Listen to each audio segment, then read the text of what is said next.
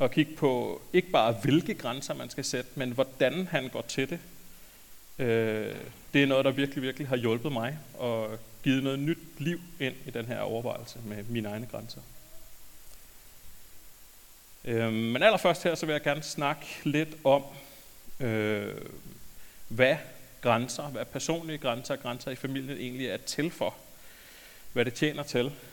Øh, og jeg kommer til at lave sådan nogle lister med nogle overskrifter og ord, og det er egentlig bare noget, jeg selv finder på. Det er ikke så vigtigt lige præcis, hvad jeg kalder det.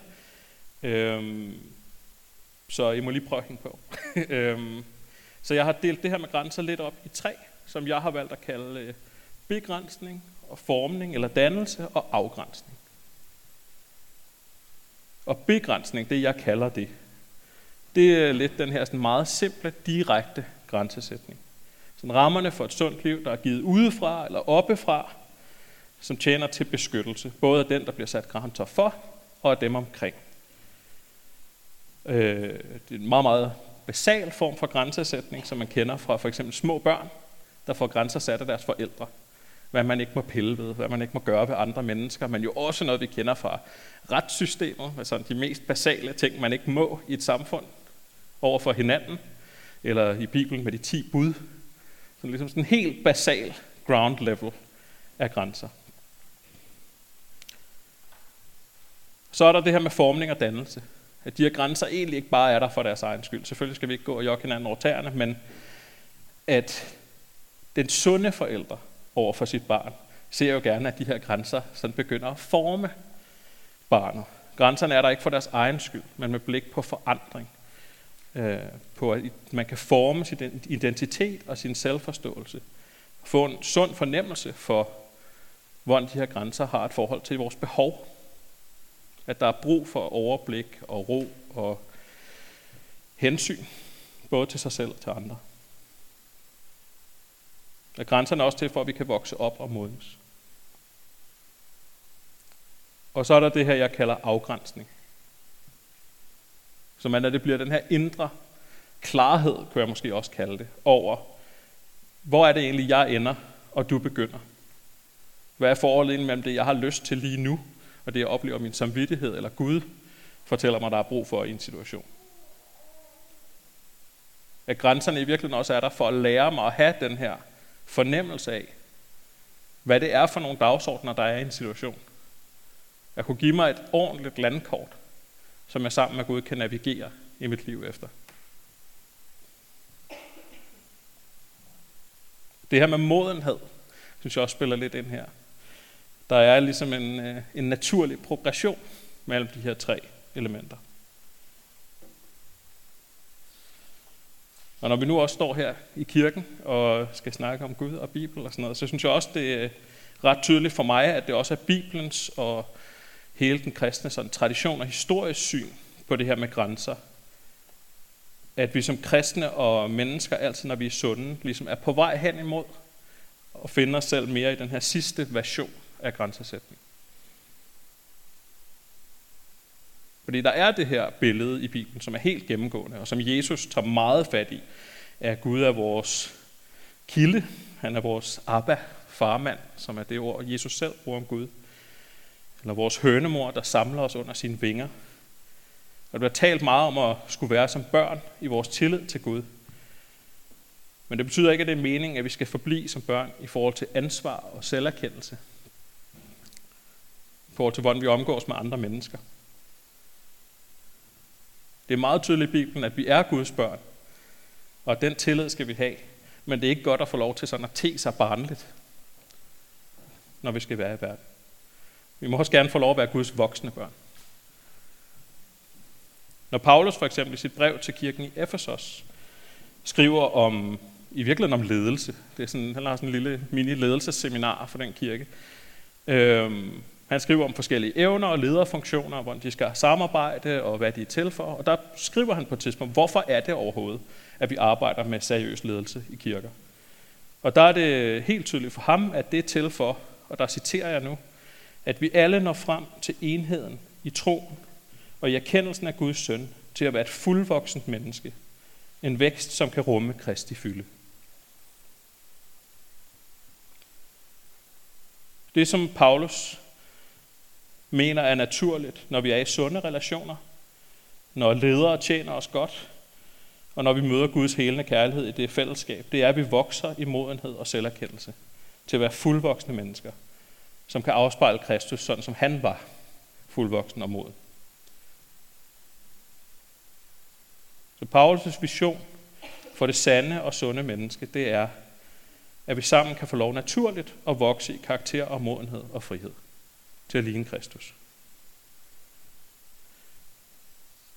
Og så synes jeg, det er rigtig, rigtig vigtigt at se på, hvordan det så er, at Jesus selv griber det her med grænser og behov an. Hvordan han navigerer i det. Og til det så har jeg valgt tre forskellige stykker fra evangelierne, de beretninger, vi har om Jesu liv. Og det, der sådan lige på forhånd her bliver klart for mig, når jeg læser de stykker, det er, at Jesus hele tiden har sådan en tydelig opmærksomhed, en lytten, i tre retninger på én gang. Han er meget opmærksom på sin egen behov og følelser og kapacitet. Og så er han meget opmærksom på Guds plan og ledelse og sin samvittighed, sin opmærksomhed på det store projekt, han er gang i. Og så er han også opmærksom på andres behov omkring ham. Og så til sidst, så giver han sig selv pladsen til løbende hele tiden at være i dialog med Gud og med sig selv om, hvad den allermest sunde og rigtige balance mellem de tre ting er. I alle de enkelte situationer, han står i. Og det første tekststykke, jeg trækker fat i, der, det er fra Lukas evangeliet kapitel 5.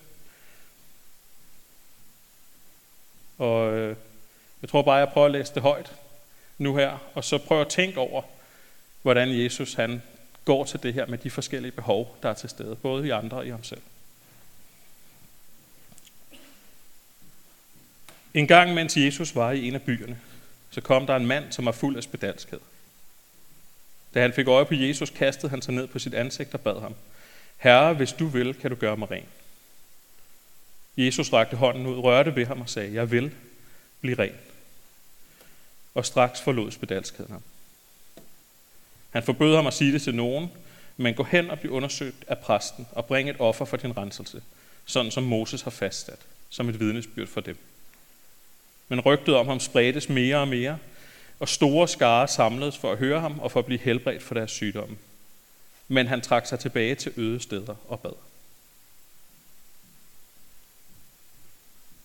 Så Jesus er altså i den her tjeneste, som er det, han er sendt for at gøre. Han er sendt for at prædike evangeliet, og selvfølgelig også for hele det store klimaks til sidst, men det er en del af planen nu. Der, hvor han er nu i planen, det er, at han skal prædike evangeliet, helbrede de syge, sætte fanger i frihed. Hele det her, som han har markeret, når han starter sin tjeneste, øh, ved at læse op fra et af profetskrifterne. Det er simpelthen en del af projektet, det her med helbred de syge.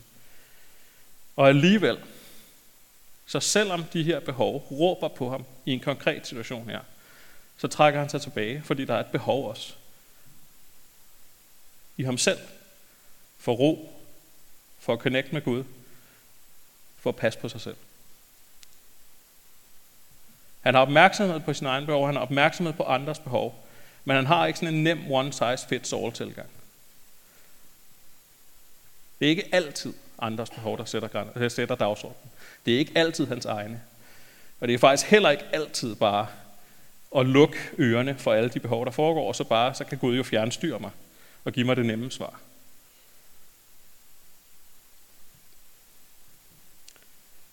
Så er der det et næste tekststykke fra Markus evangeliet, kapitel 7. Der skal vi lige lægge ørerne i de rette folder, for Jesus er også lidt grov her i sit sprogbrug. Øhm, men det er Jesus og hans disciple, de vandrer jo meget af tiden sammen med Jesus i sådan grænselandet mellem øh, det sådan kernejødiske område, og så Samaria og Syrien, hvor der bor rigtig, rigtig mange ikke-jøder. Øhm, og på det tidspunkt, hvor Jesus ligesom selv er hands on i gang på jorden med kirken, der er, øh, der er han meget tydeligt optaget af, at det er jøderne, han kommer til først. Og så senere, efter hans død, opstandelse osv., så skal det ligesom bredes ud. Så er det kirkens opgave at brede det ud til hele verden.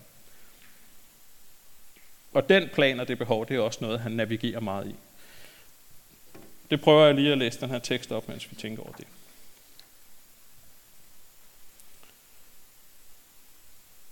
Derefter forlod Jesus og disciplene Galilea og kom til egnen omkring Tyrus. Der fandt de et hus at bo i og ville gerne være forblevet ubemærket, men det var umuligt. Jesus blev straks opsøgt af en ikke-jødisk kvinde fra egnen, som havde hørt om ham. Hun havde en datter, som var plaget af en ond ånd, og hun kom nu og faldt på knæ foran Jesus og bøntfaldt ham om at uddrive den onde ånd af hendes datter. Jesus sagde til hende, jeg må først tage mig af mine egne børn, jøderne. Det kan ikke være rigtigt at tage børnenes mad og give den til valpene. Det er sandt, herre, sagde hun, og dog løber valpene ind under bordet og spiser de krummer, som børnene taber. Så sagde Jesus til hende, på grund af dine ord, så får du, hvad du bad om. Gå nu blot hjem, den onde ånd har forladt din datter. Da hun kom hjem, lå hendes datter roligt i sengen. Den onde ånd var forsvundet. Så altså Jesus møder en kvinde, som ikke umiddelbart er en del af hans sådan kaldelse, den opgave og store mission, han har. Det er han opmærksom på, og, også, og han er også ret direkte og rå i ligesom sin første afvisning af hende. Men når hun presser ind videre, så er han opmærksom på, hvad der er rum til i den kaldelse, han har. I den afgrænsede mission, han har. Ikke fordi han er svag, eller fordi han altid blæser efter de dagsordner, der er omkring ham. Det har vi også set i det andet tekststykke. Men fordi han er opmærksom, og han er i dialog med sig selv og med Gud, om hvad der får lov til at fylde.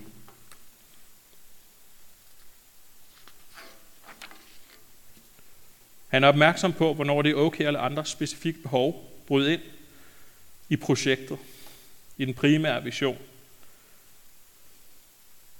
Så selvom andres behov ikke altid sætter den her dagsorden, så mærker han dem, og de er med i det samlede billede.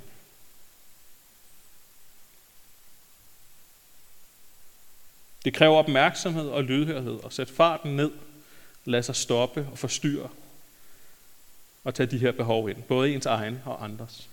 Og det er også lidt forskelligt fra person til person, hvad der er sværest at høre af de behov, der melder sig. Så har vi den sidste tekst, jeg har valgt ud til i dag, og det synes jeg selv er den vigtigste. Som er øh, den aller, aller sidste tid, inden Jesus han, øh, han skal til at dø, slås ihjel. Så er, hvordan han prioriterer de sidste øjeblikke inden. Jesus har lige spist sit sidste måltid med sine nærmeste venner. Øhm, han ved, hvor det bærer hen af. Han ved, hvad han skal. Han skal, til at, han skal simpelthen til at dø.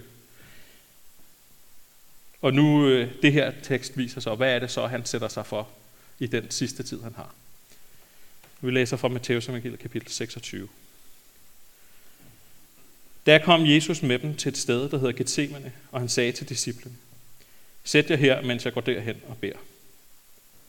Og så tog han Peter og de to Zebedeus sønner med sig, hans allernærmeste venner.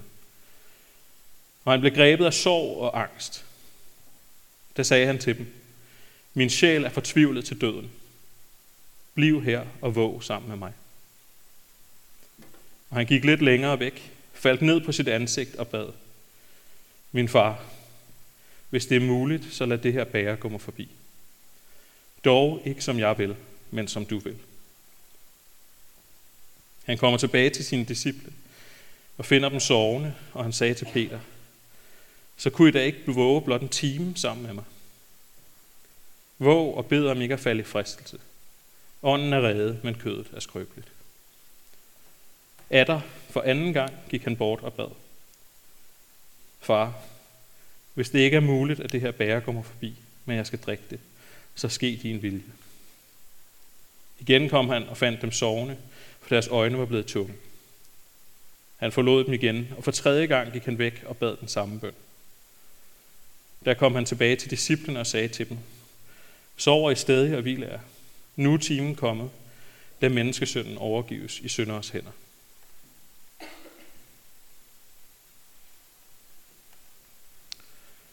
Jesus mærker sit eget behov, sine følelser og sin angst, og så samler han sine nærmeste betroede venner. Ikke for at ændre sine planer eller distrahere sig selv fra sin oplevelse, men for at finde tid og tryghed nok til på en ordentlig og sand og sund måde at møde sig selv og lade sig selv møde Gud. Jesus mærker meget akut sit eget behov for ikke at træde ind i den plan, som er blevet lagt ud foran ham.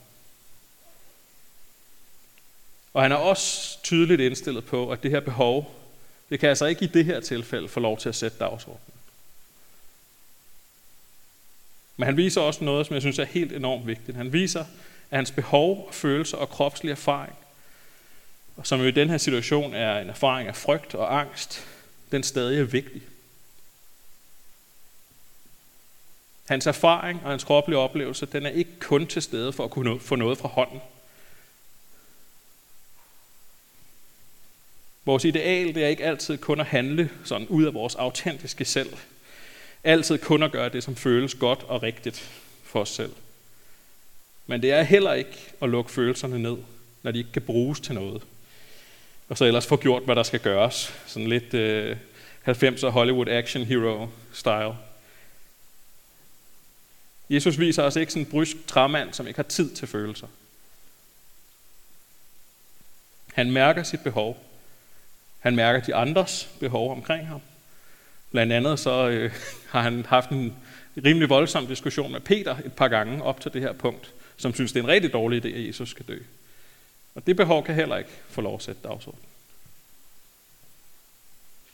Men han mærker sit eget behov. Han mærker dem omkring sig, og han mærker Guds ledelse. Og så i det samlede billede, så må han tage en beslutning om at bruge den tid, han har tilbage, og hvilken retning han skal gå. Og det han beslutter, jeg gør det, der skal gøres, men han beslutter også at bruge den tid, han har på, sammen med Gud, og med de bedste rammer, han kan sætte op, med sin nærmeste omkring sig, og tage sin erfaring alvorligt. At anerkende, at det er der, han står. At det er det, der er til stede i ham. Og så lad Gud møde ham der, ikke alle mulige andre steder.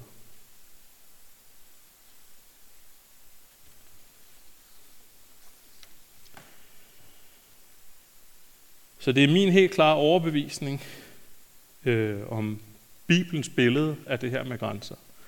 Og også min erfaring fra mig selv, at den bedste og sundeste måde at navigere i det her med at sætte grænser på, det starter og slutter med at mærke mere og lytte mere.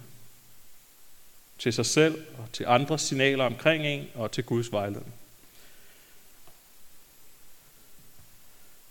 Det tror jeg også for rigtig mange, i hvert fald mig selv, kan lyde ret hårdt også. Og ikke nødvendigvis af samme grund. Nogen har sindssygt svært ved at skulle lytte til andres behov og tage dem ind uden straks og måtte gøre noget ved det har svært ved at hvile i og mærke og lytte til andre stemmer, uden at kunne fikse det. Og andre har måske så meget larm og smerte i sig selv, at det kan virke fuldstændig ubærligt at skulle gøre noget, der ligner det, Jesus gjorde i Gethsemane.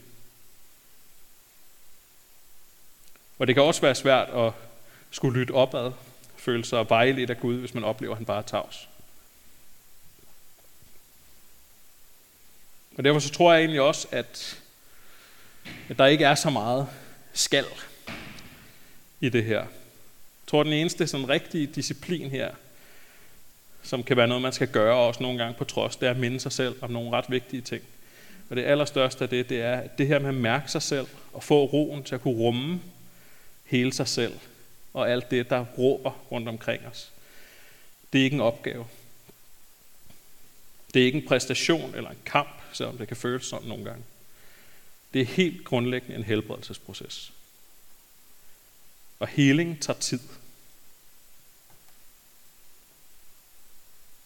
Og der er nogle gode nyheder her. Altså det her, det er jeg fuldt overbevist om, at det er det, vi er lavet til.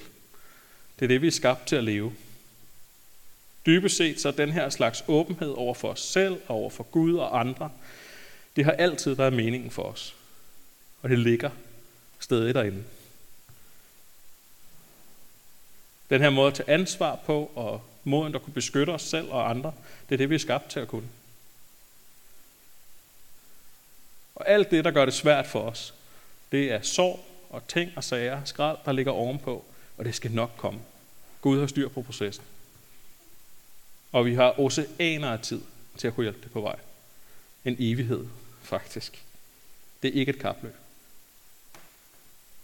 Og det er ikke en kamp, selvom det kan føles sådan.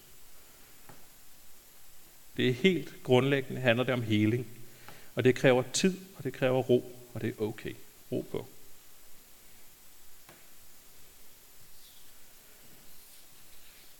Så jeg prioriterer ro mere end alt muligt skal.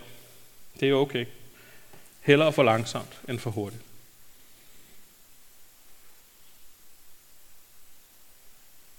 For hvis målet er at kunne træde ind i de der allerærligste dele af os selv, og kunne mærke os selv, kunne mærke livet og andre, som det hele faktisk er, kunne møde Gud der. Man kan ikke møde os nogen andre steder, end der, hvor vi faktisk er. Så er vi også nødt til at gå langsomt til det. Jeg tror, øh, en jeg ofte snakker med i noget terapi, jeg er i gang med lige nu selv, øh, hun siger det på den måde, at øh, vi kan ikke rigtig få folk på besøg, eller Gud, hvis ikke vi er hjemme. Vi er nødt til at være hjemme hos os selv, for at vi kan få folk på besøg. Men det kræver også en tryghed og en ro. Og hvis vi går hurtigere i gang med hvad som helst, men særligt de her ting, end vi er klar til, så er det simpelthen umuligt. Det kræver tryghed. Så farten ned, det er okay. Det er helbredelse, og helbredelse kræver naturligt tid. Ja, måske endda sætte farten så langt ned, at I slet ikke skal gøre noget af det, jeg siger lige nu. Det kan også være den mest ærlige grænse, du har. Det her, det er simpelthen for meget. Det gider jeg ikke. Og så er det det ærligste sted, du kan stille dig i forhold til det her. Det skal nok komme. Det skal nok gå. I stedet for at sige en masse mere nu, så vil jeg gerne invitere dem, der gider og kan, har overskud til det, til lige at lave sådan en lille øh, øvelse, inden jeg slutter af med en bøn. Øh, en lille meditation. Så I kan starte med at lukke øjnene, dem der vil, og ellers så sidder I bare og tænker på noget andet. Det er også helt fint. Så start bare lige med at tage nogle dybe indåndinger. Få hastigheden lidt ned. Lige lande i jer selv. Kunne mærke underlaget under jer. Tyngden af kroppen. Synk lidt ned på plads i stolen.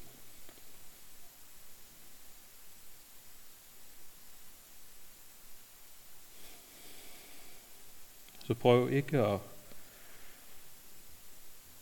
tænke over en hel masse, men bare mærk, hvor er jeg lige nu? Hvad er det, jeg har taget med i dag? Hvad er det for nogle behov og følelser, de har bragt med? Hvad er det måske, jeres egen krop prøver at fortælle jer?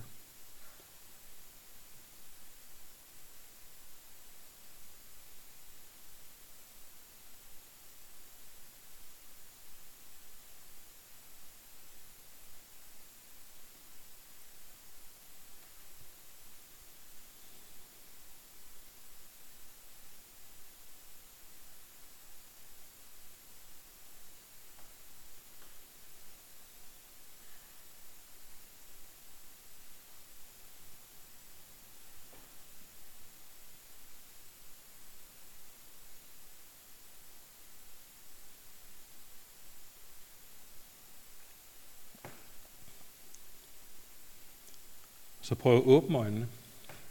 Mærk rummet omkring jer. De andre, hvordan er det at være til stede her? Det, der foregår.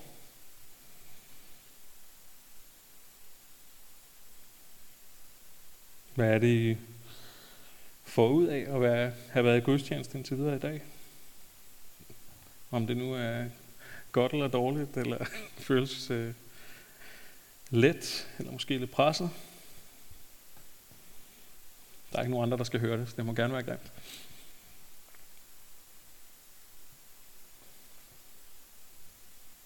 Mærk, om der er noget eller nogen i rummet, der måske virker særlig interessant eller dragende. Eller ikke for at skulle handle på det, men bare mærke, om der er noget, der connecter på en særlig måde.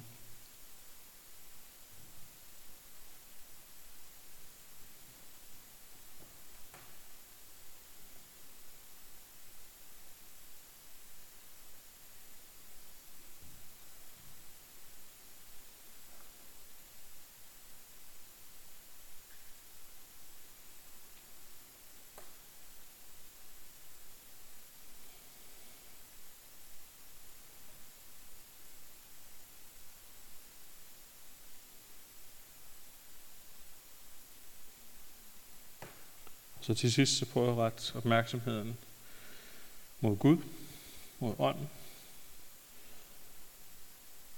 Om der måske er et eller andet særligt, der rører på sig i dag, eller måske noget, der overhovedet ikke er særligt, der slet ikke er kun i dag, men som alligevel er godt og vigtigt at få mærket efter.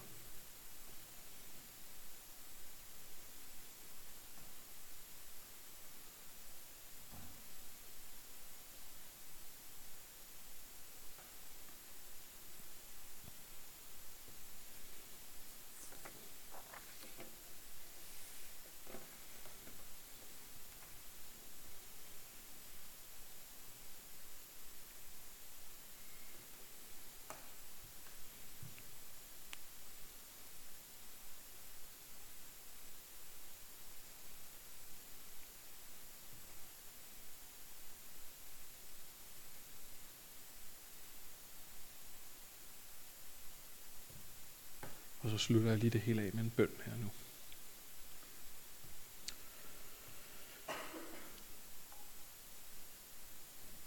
Kære Gud, Far, tak at du møder os, tak at du allerede altid inviterer os ind til fællesskab. Og tak også, at du viser os, at det sted, hvor du allermest og allerdybest og allervirkeligst møder os, det er der, hvor vi faktisk er.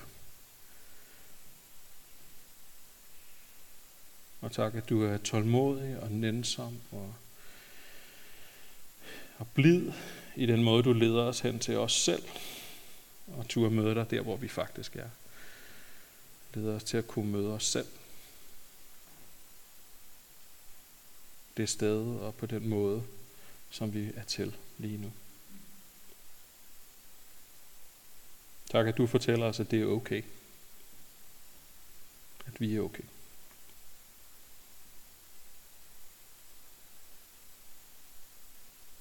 Og tak, at du blev menneske.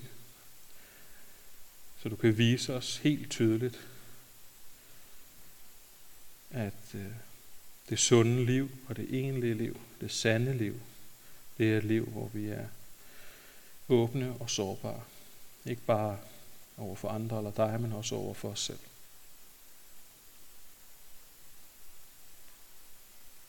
Og at vi skal passe lige så godt på os selv, som vi passer på andre.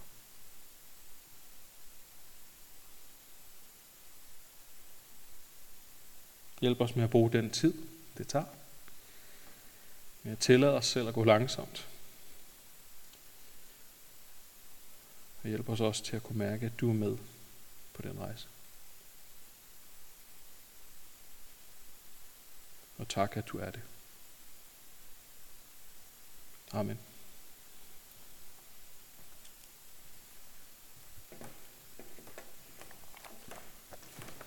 Tusind tak, Johan. Tusind tak. Det her rum, hvor vi mærker vores egen behov, tager dem alvorligt, andres behov, og tager dem med ind i det rum sammen med Gud, for at lære at navigere i det. Hvor er der meget visdom i det. Kan det også være svært nogle gange.